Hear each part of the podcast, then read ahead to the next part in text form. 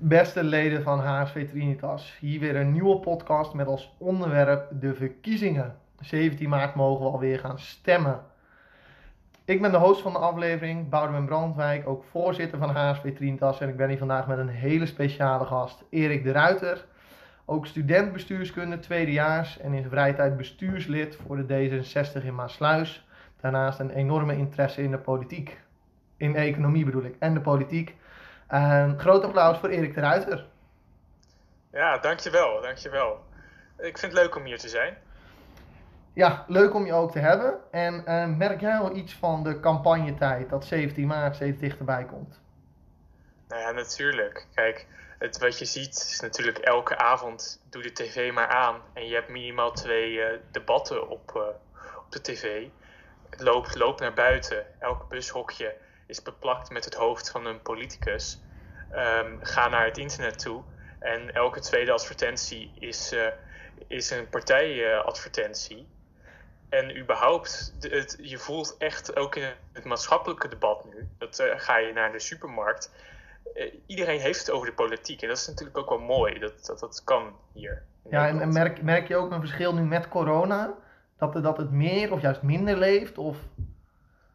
Nou ja, ik denk niet dat het meer of minder leeft. Ik denk meer dat het op een andere manier leeft. Wat ik, wat ik zie is dat het, waarin het voorheen altijd uh, met z'n allen naar buiten gaan, gaan flyeren, in de buitenlucht het leefde, zie je nu dat het wat meer online en wat meer op tv leeft. Dat, dat het is verplaatst.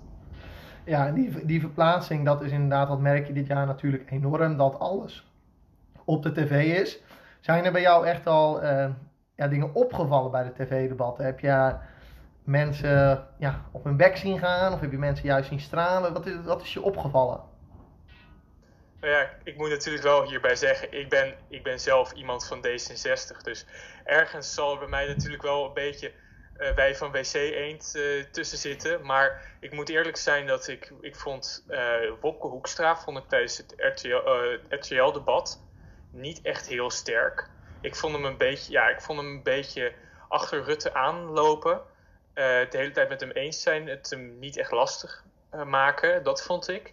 En ik vond bij Nieuwsuur dat Klaver daar, uh, Jesse Klaver daar heel erg zwak was. Ja, um, ja dat ging toen over biomassa en eigenlijk zag je dat hij echt geen antwoord had. Ja, maar dat, dat, dat, is het pijnpunt, dat is het pijnpunt natuurlijk van GroenLinks, die biomassa-centrales.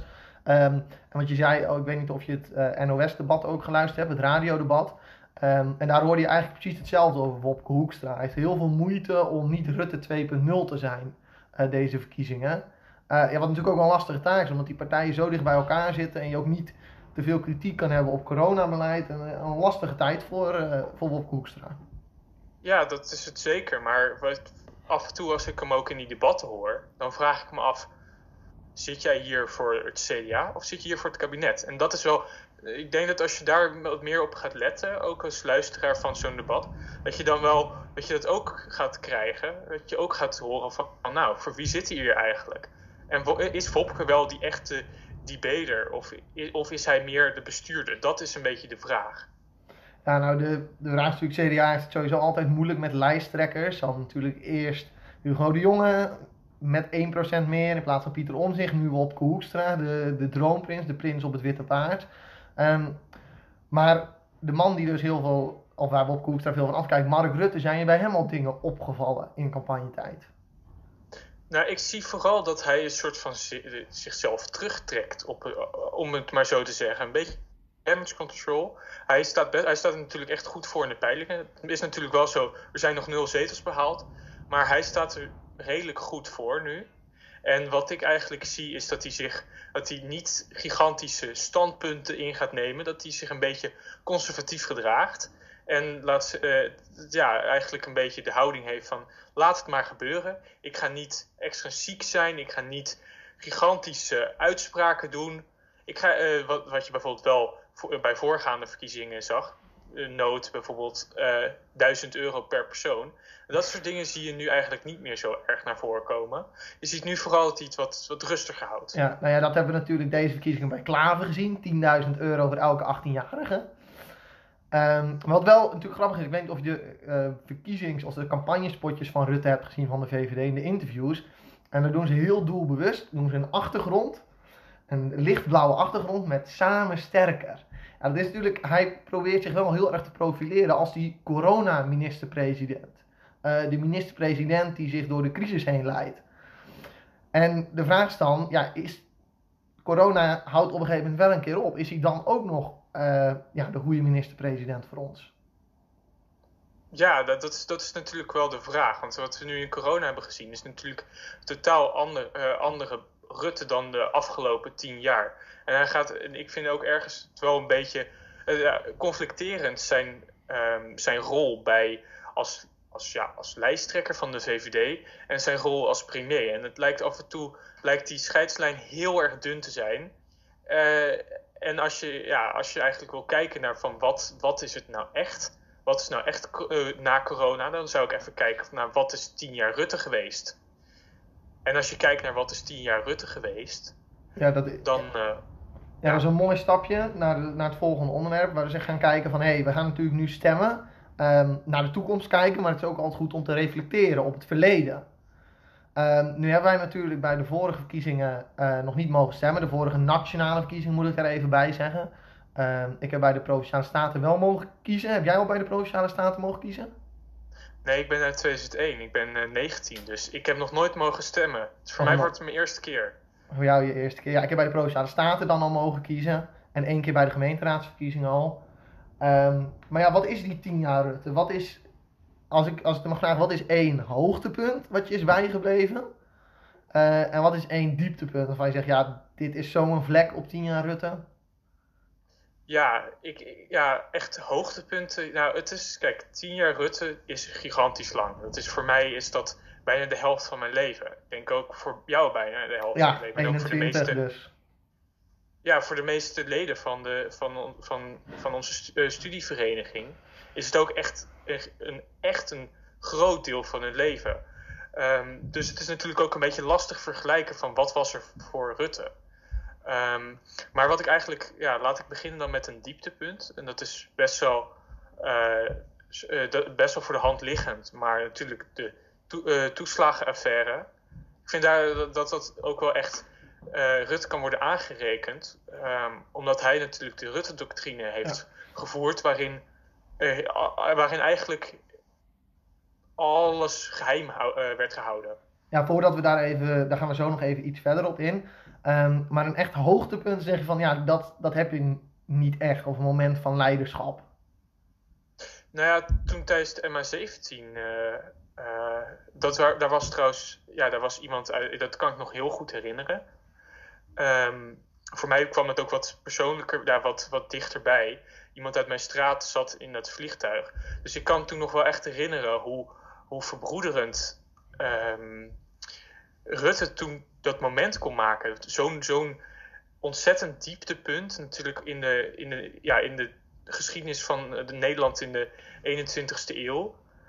Uh, hoe, hij het, hoe hij toch het volk samen kon brengen en samen ook uh, kon zeggen: dit, is, dit, dit gaat alle perken buiten. En dat, dat, is, dat vind ik wel, dat vind ik dan, ja, ho hoogtepunt vind ik het een beetje naar om te noemen, omdat het om zo naar iets gaat. Maar toch is dat, is dat voor hem als persoon, heeft hij, heeft hij daar goed opgetreden. Ja, nee, zeker. Dat is inderdaad, dat is natuurlijk, Mark Rutte is echt onze, is een crisispresident. In crisissen kan hij enorm goed functioneren, nu ook bij corona. Um, al wordt het draagvlak daar nu wel iets, iets minder.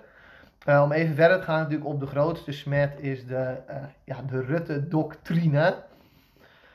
Wat zijn voor jou echt dingen van je zegt, uh, wanneer kwam het bij jou echt naar boven van, ja, er is hier iets fout gegaan bij de kindertoeslagenaffaire, er moet nu iets anders. Uh, ja, wanneer kwam dat voor jou, werd dit duidelijk? Nou, eigenlijk, ik geloof dat het in de, in de trouw was. Dat, dat toen ik daar, uh, dat, dat die het hadden gereport. Uh, dat, dat toen zag ik al, ja, hier is iets, hier is iets mis. Um, en ik, ik hou mezelf redelijk veel bezig met ook het nieuws. Daar ik lees elke dag de krant.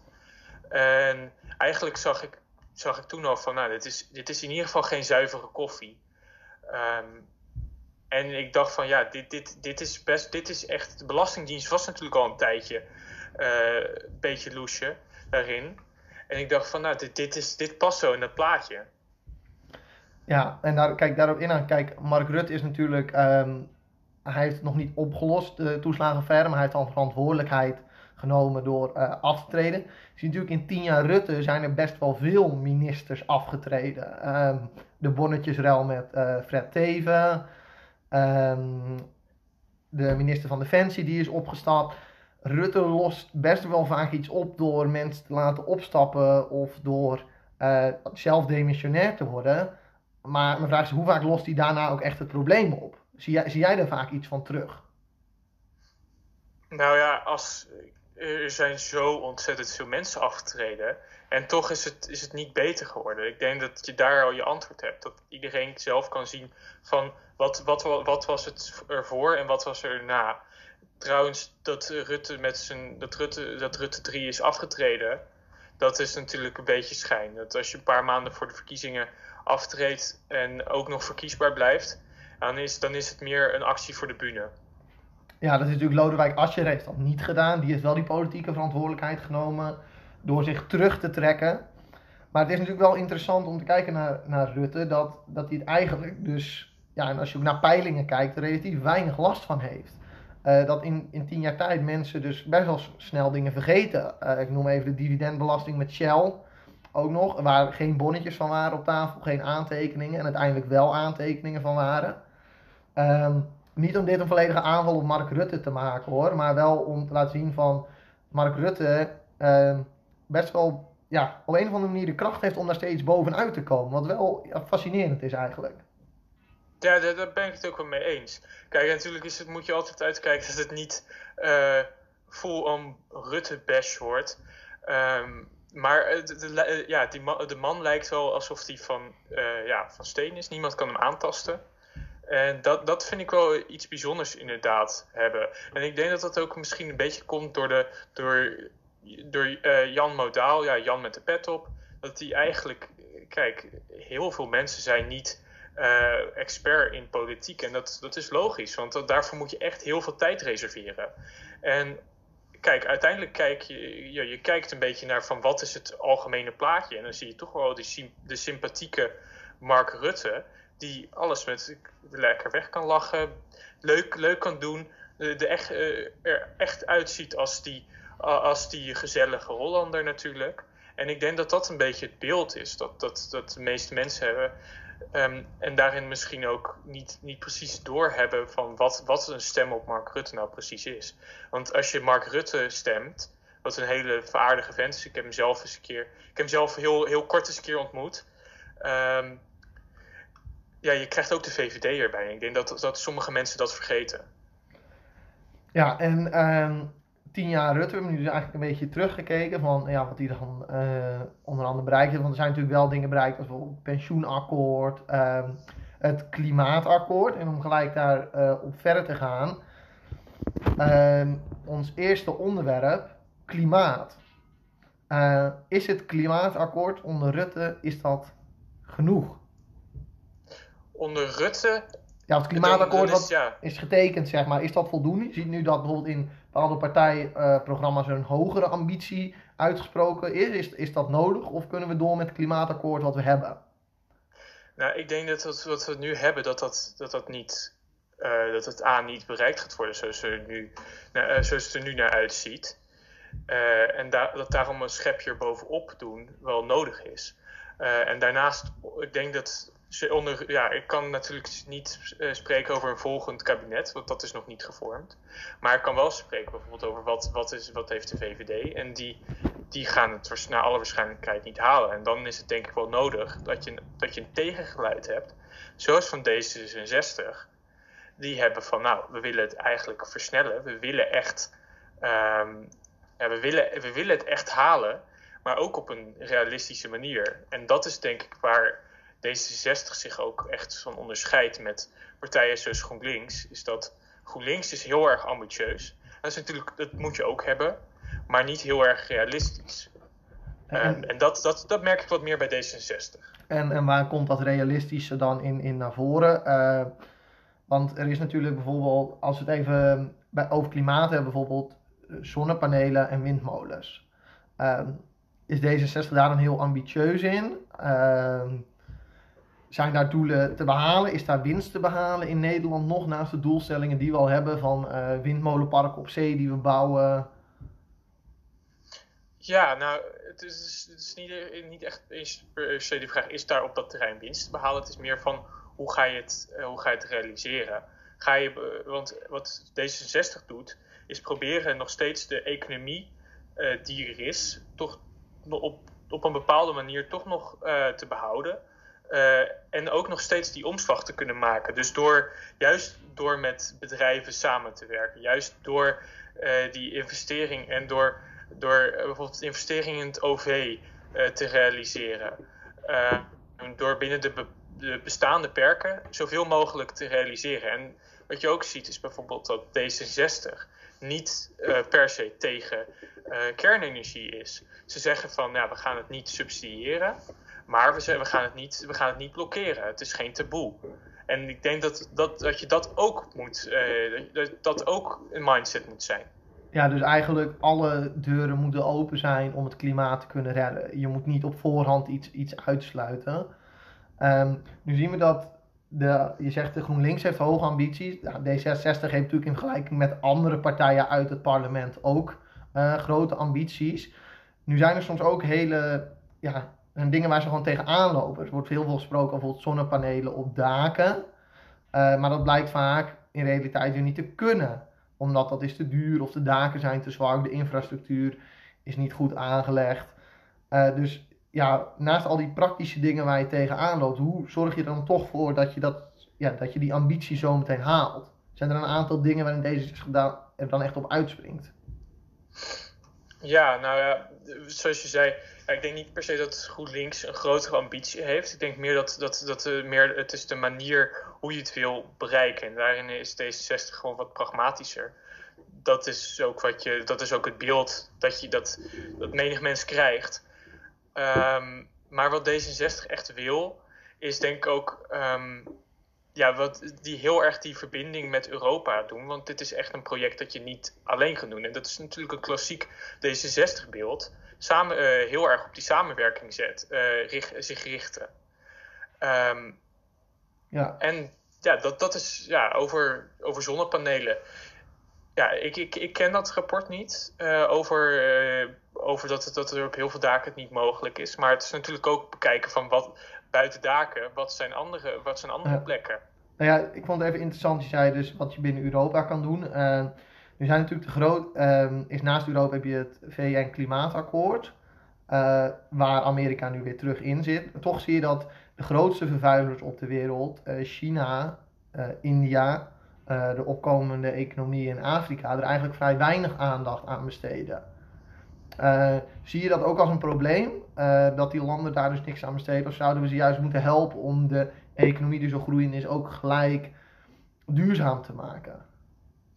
Nou, ik ben sowieso voorstander van natuurlijk uh, andere economieën zodra ze groeien duurzaam te maken. En dat is natuurlijk ook iets wat iedere burger kan doen door bijvoorbeeld als hij een product koopt extra te letten op hoe wordt het gemaakt. Wordt het op een duurzame manier gemaakt. Maar wat, ja, ik, dat is natuurlijk een logische, logische kritiek die er altijd is. Op van, ja, wat Nederland doet is een druppel op de gloeiende plaat. En dat klopt natuurlijk. Nederland maakt niet, is ook niet zo gigantisch groot. Um, en dra draagt niet zoveel bij. Maar daarin is het natuurlijk ook de vraag van laten wij als Nederland een soort van een voorbeeld stellen. Dat het ook binnen de bestaande perken, en dat is, dat is precies het D66-punt. Laten we binnen de, laten, we laten we zien dat het ook binnen de marktwerking mogelijk is. Dat het ook mogelijk is om, uh, om een stuiver te slaan uit, uh, uit uh, groen worden. Want dat, dat, op de, als je dat doet, dan geef je het voorbeeld aan andere landen van oh, het kan dus ook op, uh, het kan dus, we kunnen dus ook groen worden en tegelijkertijd geld nog steeds verdienen. geld verdienen. En dat is ook een, iets wat D66 heel erg op zit, is investeren in het, bijvoorbeeld het hoger onderwijs, investeren in onderzoek in Nederland. En bijvoorbeeld ook naar klimaatonderzoek. Want dan kan je bijvoorbeeld straks het goedkoper maken om, om groene stroom te krijgen dan oude fossiele stroom. Ja, nou, dat is natuurlijk veel, uh, dat wordt vaak gezegd dat investeringen in onderwijs, en ja, dat zie je natuurlijk als nu met het coronavaccin, als er ergens opeens volledig in geïnvesteerd wordt, kan een vaccin relatief snel op de markt komen. Dus echt met veel geld kom je ook ergens. En om gelijk even het volgende stapje te maken naar het, naar het volgende onderwerp, we kunnen hier al nog even op terugkomen, onderwijs. Uh, je zei net al, de investering in onderwijs. Nu uh, zitten wij, zijn wij een generatie van studenten die te maken hebben met het leenstelsel. Uh, er is toen aan ons beloofd dat het geld ja, wat dan bespaard werd, dat dat geïnvesteerd zou worden in het onderwijs. Nu zie je dat dat vaak best wel moeilijk is, omdat dat eigenlijk ja, vrij weinig is gebeurd van de miljarden die er vrijkwamen. Um, dus om daar even dan verder te gaan op het onderwijs, wat is jouw visie op het leenstelsel en dan anders de basisbeurs? Ja, ik ben persoonlijk ben ik eigenlijk nooit voor, um, ja, voor de, het leenstelsel geweest. Uh, ik weet dat D66 dat vroeger wel is geweest. En dat is ook iets waar D66 nu op, op, terug is gekomen. Ze hebben gezegd, ja, dat was, dat, dat was misschien niet het beste. En dat vind ik trouwens ook echt een heel uh, nobel punt. Dat je, dat je durft te zeggen, ja, we hebben fout gezeten en nu willen we het oplossen. Dat vind ik trouwens heel, een heel mooi punt. Um, maar ja, D66 is nu weer voor uh, de basisbeurs. En, en zijn, ze, zijn ze dan voor de volledige basisbeurs? Want er zijn ook plannen dat een basisbeurs tot 400 euro is. En er zijn anderen die zeggen, ja, alles wordt vergoed. Ja, nou, uh, ik geloof dat, dat D66 daarin heel erg uh, zit op um, voor iedereen willen we een bepaald uh, bedrag hebben. Ik dacht uit mijn hoofd dat het 300 was. Oh ja. um, en dan op het moment dat je, dat je, ja, dat je eigenlijk um, dat je bijvoorbeeld ouders hebt die wat minder, die wat minder geld hebben, dan, krijg, dan, dan, dan heb je nog recht op meer. En dat vind ik trouwens ook een mooie voor, uh, ja, voor de wat gelijkheid, voor een wat ja, nivellerend effect. Denivellerend effect. Ja, nee, nou, dat is natuurlijk heel interessant. En misschien zijn natuurlijk gelijk in het diepe gedoken met, met de basisbeurs, maar misschien uh, voor je persoonlijk, wat is jouw schoolcarrière tot nu toe geweest? Want je zit nu tweede jaar HBO. Uh, wat heb je hiervoor gewoon de middelbare school gedaan? Vijf jaar HAVO? Of kom je van het MBO? Of... Ja, ik, heb, uh, ik ben begonnen op het VWO. Ehm, en daarna heb ik, uh, de, ik, heb, ik heb mijn diploma uh, gehaald op de HAVO uiteindelijk. Um, dus, dus, ik denk dat dat. Ja, dus ik, ik, heb, ik, heb, ik, heb, ik heb niet het MBO meegemaakt, dat, dat, om het maar zo te zeggen. Um, trouwens, waar ik net uh, denivellering zei, bedoelde ik nive, uh, nivellering. Maar um, ja, ik, ik, ik, heb, ik heb niet het MBO mee. Ik ja, heb niet het dus, MBO meegemaakt. Ja, nee, we hebben een vrij recht uh, onderwijsroute gehad van HAVO naar HBO. misschien ook even leuk om te zeggen, er wordt in het onderwijs ook vaak gesproken over kansongelijkheid. Um, heb jij daar op een of andere manier mee te maken gehad in jouw idee? Of kreeg je wel de kansen en mogelijkheden om jezelf te ontwikkelen? Nou, ik, ik was. Ik, ik, nee, nee, ik heb eigenlijk, daar heb ik wel uh, problemen mee gehad met kansenongelijkheid. Want wat ik, wat ik bijvoorbeeld echt zag, was op het moment dat iemand uitblonk uh, op een bepaald stuk, een bepaald vak, bepaalde vakken, dan werd hij echt teruggehouden. Um, dat was ik, ik, ik had bijvoorbeeld heel veel moeite met wiskunde hm. um, en met Frans.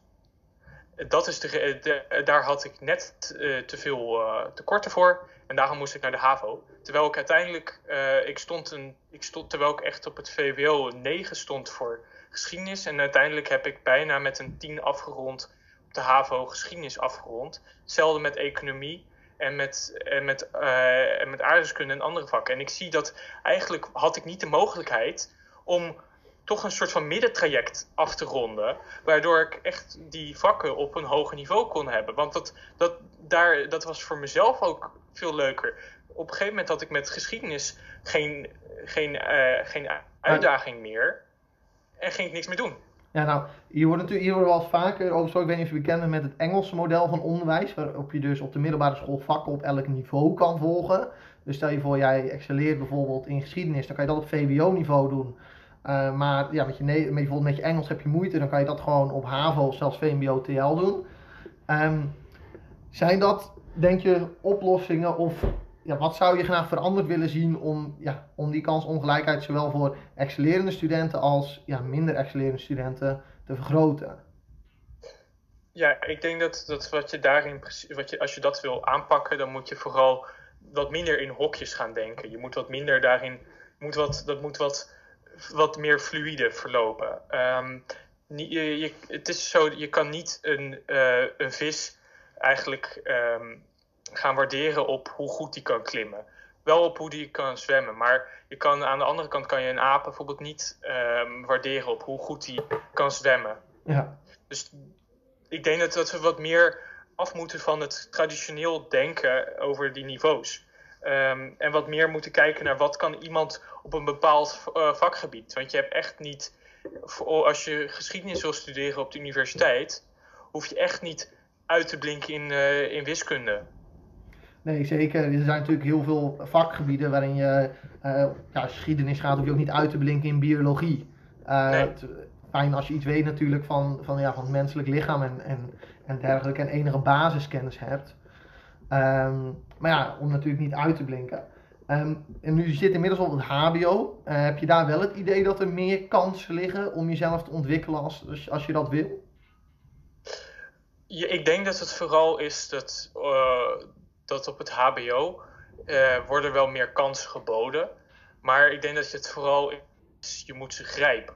Op het moment dat je iets, iets extra uh, curriculairs wilt doen, dan moet je echt er zelf achteraan gaan zitten. En wat ik zou het zelf fijner vinden als, als daarin ook vanuit de opleiding zelf wat meer wordt geboden. Maar dat is natuurlijk ook wel een mooie metafoor voor het leven. Dat dingen niet op je afkomen, dat je ze zelf moet grijpen. Maar ergens ben ik wel tevreden over het HBO en ja, over wat ik weet, de universiteit. Ja, nou, um, om natuurlijk misschien even iets opleidingsgerichter nu uh, te praten. We gaan bijvoorbeeld over de minor. Um, zie jij een minor ook echt als een kans om jezelf extra te ontwikkelen?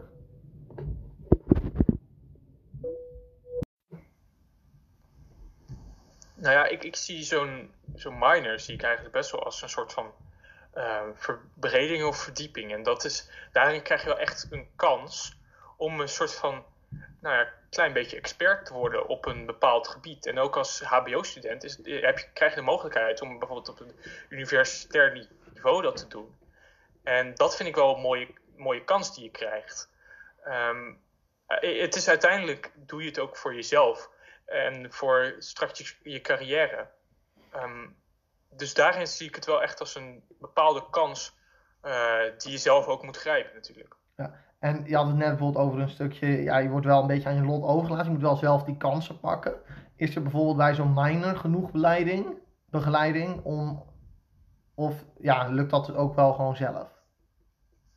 Nou ja, lukt het zelf, lukt het zelf.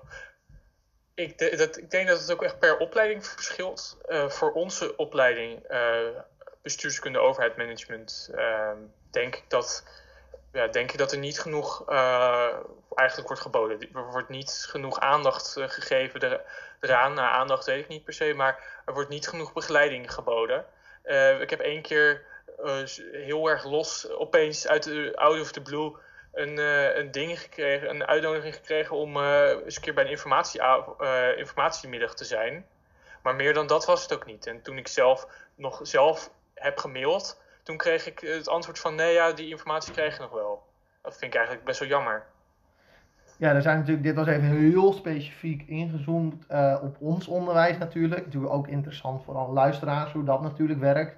Eventueel voor eerstejaars en ook voor ja, de ervaringen van derde en vierdejaars. Uh, is er nog iets waarvan jij zegt, ja, daar moeten we het, als je het over onderwijs hebt, dan moet je het daar ook echt nog even over hebben? Nou, onderwijs, kijk, dan is natuurlijk de vraag: is het hoger onderwijs of is het um, onderwijs in het algemeen? Op hoger onderwijs ben ik het heel erg eens met deze 60 punten van we gaan echt, we gaan echt investeren. Ze hebben gezegd 7 miljard in totaal in het onderwijs steken. Nou, daar ben ik echt een groot voorstander van. En ook uh, heel veel investeren in het onderzoek. Dus dat is eigenlijk het hoger onderwijs. En ook zorgen dat het MBO dat, dat, dat wordt soms nog wel eens vergeten. Dat ook het MBO echt, echt serieuzer wordt genomen dan, dat het nu wordt. Want dat, dat zie je nog niet zo vaak. Ik ben blij dat D66 zich ook daarvoor inzet. En over wat ik echt nog graag wil ja, zeggen over het onderwijs, is dat ik het heel erg eens ben met de, uh, eigenlijk de kinderopvang, om die gratis te maken. Want daarin, dat, dat is, dat is zo'n mooi idee. En dat is, zo'n groot, dat is zoveel vliegen in één klap pak je daarmee. Je pakt daarmee natuurlijk um, ongelijkheid aan. Dus uh, dan hebben we het weer over dat uh, nivelleringsverhaal. En, dan en wat je ook aanpakt, is natuurlijk de, ongelijk, de ongelijkheidspositie van de, van de vrouw in de maatschappij. Want dat is, ook, dat is er ook nog. En door dit te doen, pak, je, pak je ook dat meteen aan. Zorg dat, dat de gelijkheid tussen man en vrouw, die in Nederland eigenlijk helemaal niet zo heel goed is. Nederland staat ergens 35 in de wereld, dacht ik. Dan pak je het ook meteen aan. Dus dat, dat is, dat is zo'n goed idee. En het is zo'n, zo, zo goed om dat aan te pakken. Ja, nee, zelf, is inderdaad wat je zegt, Nederland staat inderdaad niet heel hoog uh, met vrouw.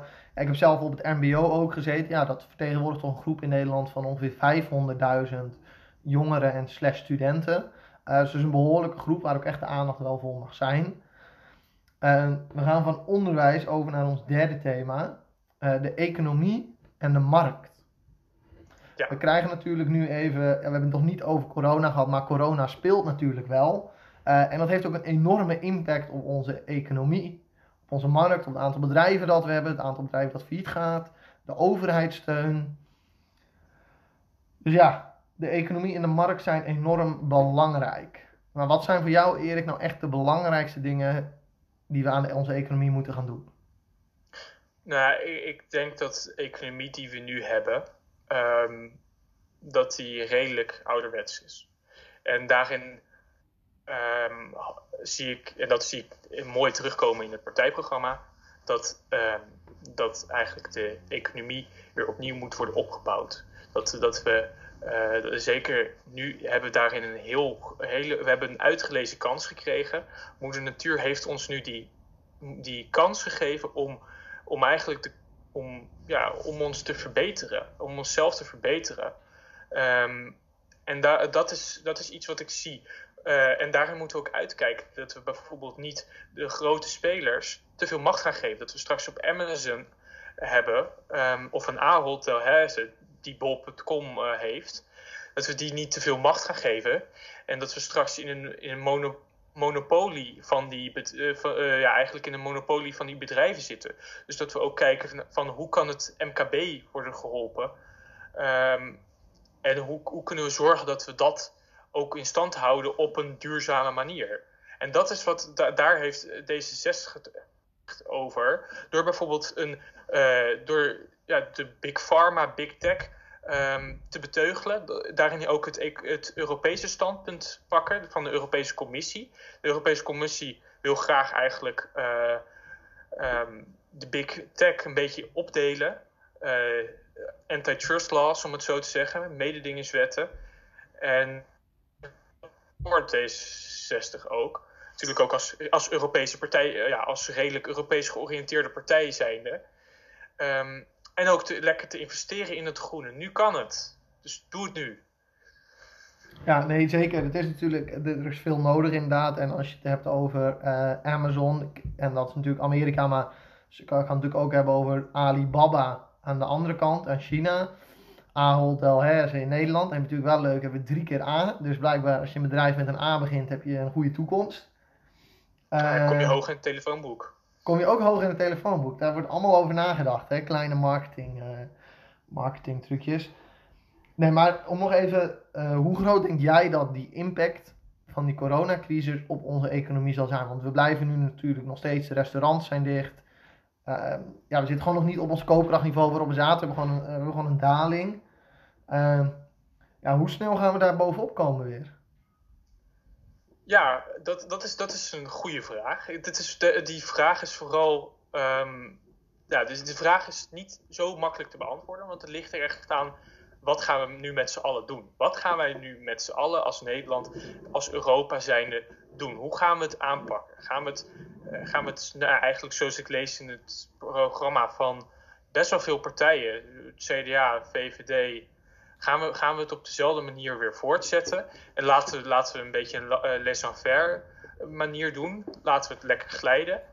Dat, dat is in de normale omstandigheid, omstandigheden kan je dat best wel doen. Dus dat, is dat best wel uh, een, redelijk, een redelijke manier om economie te bedrijven. Of gaan we nu uh, zeggen van er is een on, ongelijk speelveld is er tijdens de coronacrisis geweest.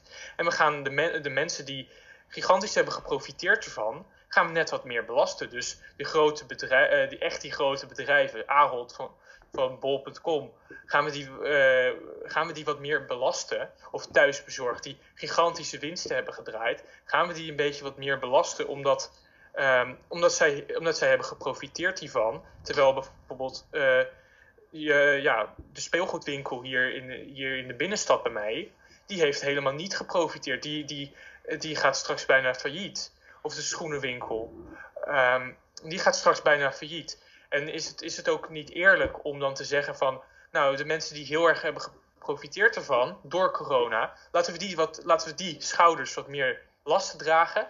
En laten we het wat, wat minder aan de, aan de ondernemers doen. En dat is ook wat je bijvoorbeeld bij de Partij van de Arbeid ziet. Die willen, die willen iedereen die, uh, die een beetje groot is. Dus iedereen die bijvoorbeeld boven, uh, het vermogen boven een miljoen heeft, willen zij gigantisch veel belasting laten betalen.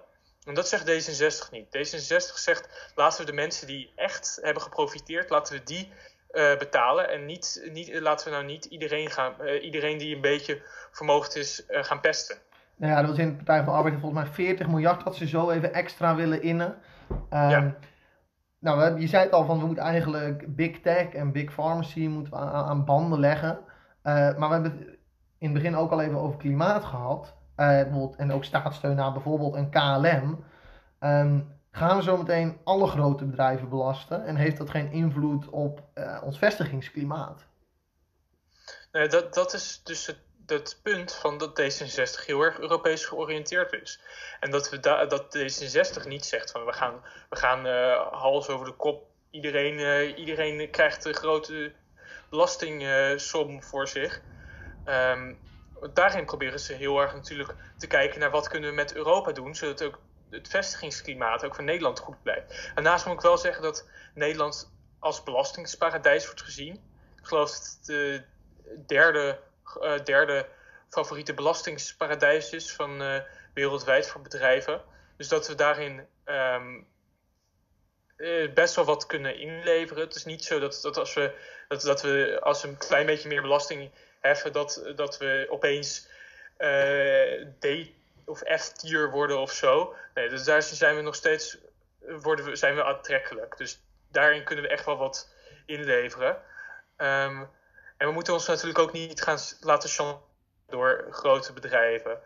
Um, en laten we vooral met Europa een beetje afspraken maken daarover. Want niet, geen enkel bedrijf gaat straks zeggen van oh, um, ik ga niet meer in Europa zitten. Dat, daarvoor is Europa een te grote markt. En ook is Europa daar een te sterke markt voor.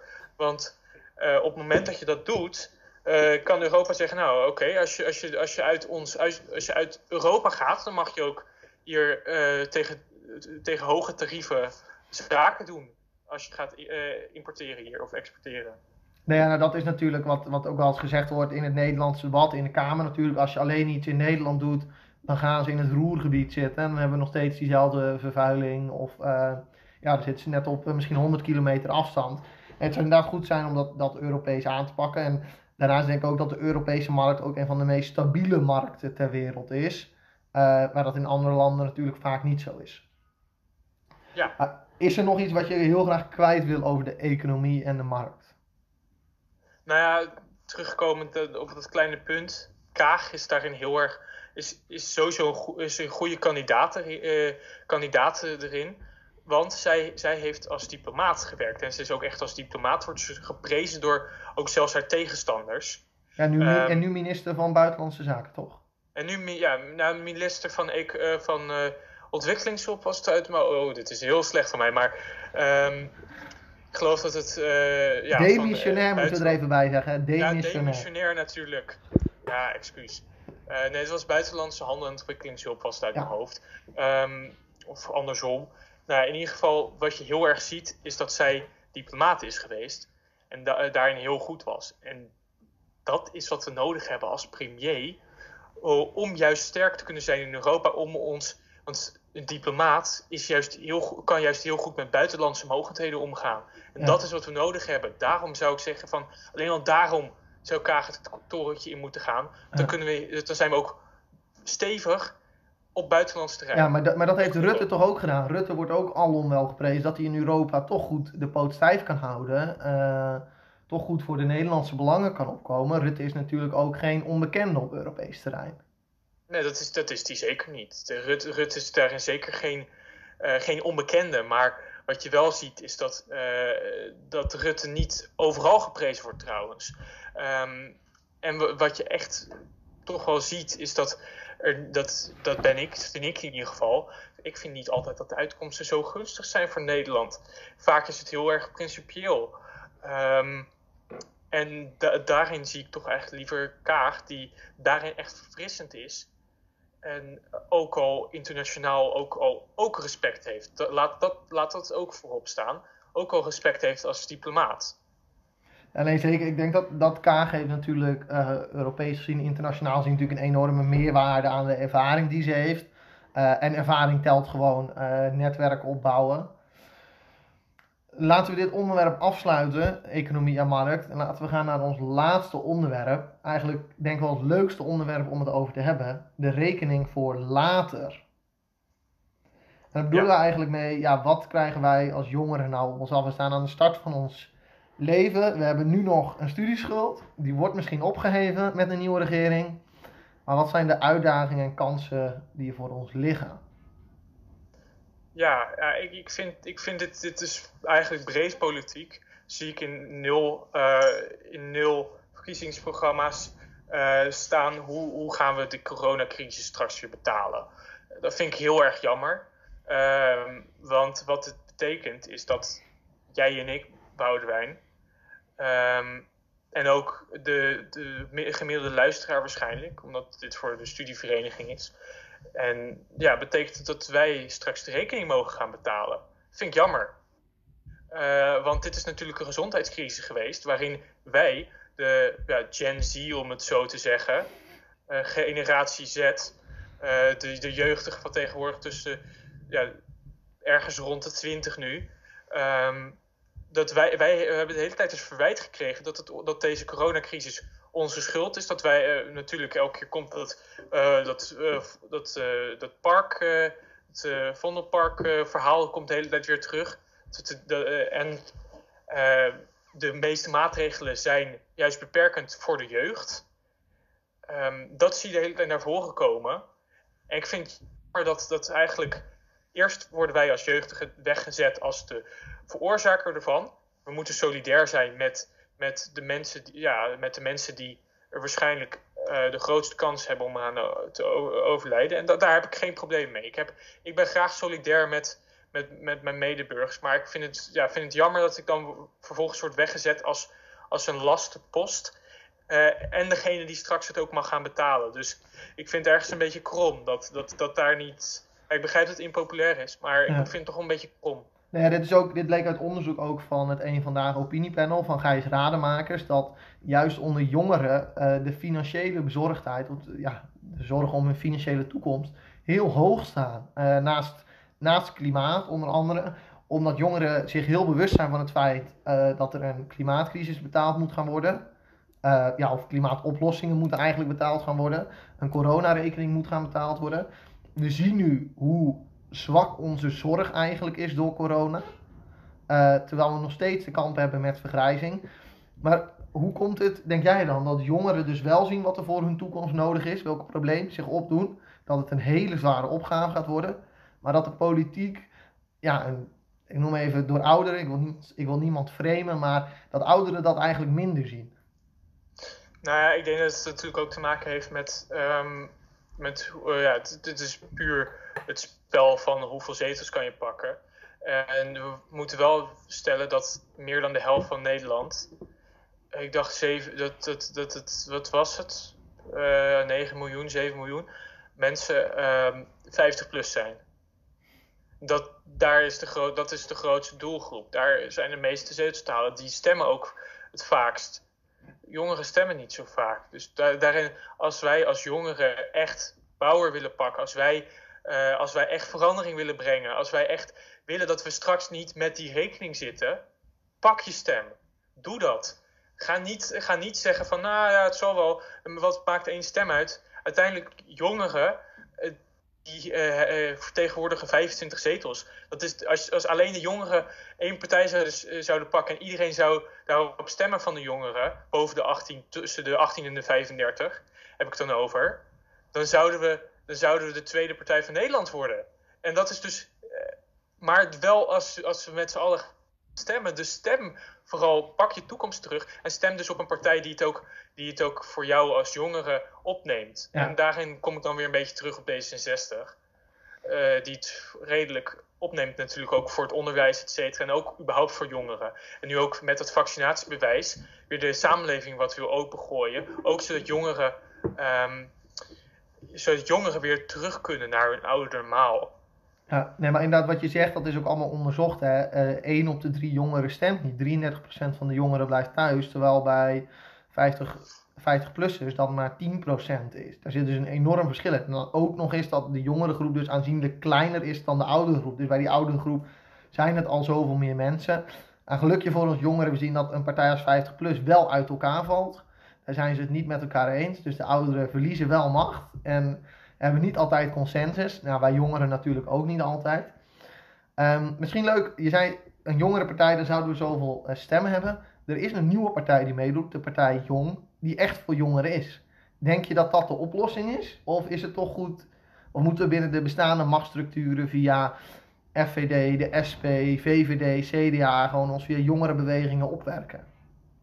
Nou, ik denk dat het vooral, nou zo'n partij als Jong, ik begrijp natuurlijk wat je bedoelt. Ik denk niet dat dat de oplossing is, echter. Want jongeren, eh, hebben, jongeren zijn niet een monoga, eh, monogene, ja, hoe zeg je dat? Een enkele groep die, ehm, die eh, ja, uh, er is geen consensus binnen de groep. Het, het, is, nee, het, is, niet dat ze over alles consensus niet. hebben en het allemaal met elkaar eens zijn. Nee, zeker niet. Dus ik denk niet dat dat de oplossing is. Ik denk dat het vooral via dat, dat jongeren zich wat meer uh, moeten uitspreken. En binnen de bestaande machtsstructuren. Want alleen dan wordt er geluisterd. Want ook op het moment dat, dat bijvoorbeeld iedereen op jong stemmen. Zelfs dan niet. Zou, zelfs dan zou het niet bereiken. Laat, laat juist de bestaande partijen merken van ja, dat is ook een doelgroep. Ja. Laat het zo doen. Zeker. Misschien leuk, je had het ook over onder, we hebben het natuurlijk ook over onderwijs gehad. Krijgen wij ook jong, als jongeren ook wel de kans om ons al vroeg politiek uh, betrokken te zijn, om uh, ook zo actief mee te doen? Niet helemaal. Ja, we krijgen, we krijgen de kans. Dat, dat, dat, dat staat buiten kijf. Ik, ik, ik ben nu bestuur, ik ben bestuurslid, dus ja, nee. ik heb de kans gekregen ja. om het te doen. Maar ik denk dat je vraag wat meer is van geeft bestaande structuren, zoals het onderwijs, uh, bieden die de mogelijkheid daarvoor. En dat vind, ik, dat vind ik eigenlijk niet, want ik vind dat ook een belangrijk iets. En dat, dat soms is de studielast gewoon te hoog. Uh, bijvoorbeeld, wat dacht je van binnen studieadvies? 50 punten bij onze opleiding. Als je die niet, als je die niet haalt, dan mag, je, dan mag je lekker van de opleiding af. Dan mag je ook niet meer terugkomen. Ja, drie jaar volgens was, mij niet. Ja, vier was het uit ja. mijn hoofd. Um, laten, we, laten, we, laten we juist zeggen dat op het moment dat iemand zich zo maatschappelijk wil inzetten, zo graag zich wil inzetten voor zijn medemens, dan, moog, dan, mag, dan mag de maatschappij daar ook eigenlijk best wel wat voor teruggeven. En dat is, kan al zo klein zijn als bijvoorbeeld op het moment dat je een politieke functie vervult. Uh, heb je recht op, op, wat, op, op vrijstelling. Ik bedoel niet dat je dan minder punten hoeft te behalen, maar dat je binnen het studieadvies bijvoorbeeld iets lager is. Omdat je bijvoorbeeld dan ook je al zo erg inzet voor de maatschappij. Laten we het zo aanpakken. Dat is trouwens iets wat D66 ook wil. En ik, denk, ik denk dat dit een mooie, een mooie afsluiting is. Ik denk, er zijn ook kansen voor ons, maar er zijn ook belemmeringen voor ons. Ja. Dan, is het, dan hebben we natuurlijk nog één oproep aan alle luisteraars die nu luisteren. En dat is natuurlijk stem 17 maart. Uh, ongeacht je voorkeur, uh, verdiep je nog. Heb jij naast deze podcast natuurlijk, die wij nu uh, gedaan hebben, heb jij nog tips voor waar jongeren wat ze kunnen luisteren, wat ze kunnen invullen om te kijken waar ze eventueel politiek kunnen uitkomen? Als ze het nog niet weten. Ja, ja, kijk, als je niet kan weten, ik zou vooral kijken naar de debatten. Dat, dat is een goede. Ehm, en wel, al wat, wat, ja, wat, wat minder, iets wat minder lang duurt, um, is natuurlijk een stemwijzer invullen. Nou, nu ben ik het niet altijd helemaal eens met stemwijzers. Maar uh, ja, ga vooral stemmen. Ga vooral je een klein beetje verdiepen, want het is zoveel meer dan je denkt. Pak je kans. Dit is je stem. Uh, dit is juist die democratische staat waarin we leven. En dit is ook wat we moeten koesteren. En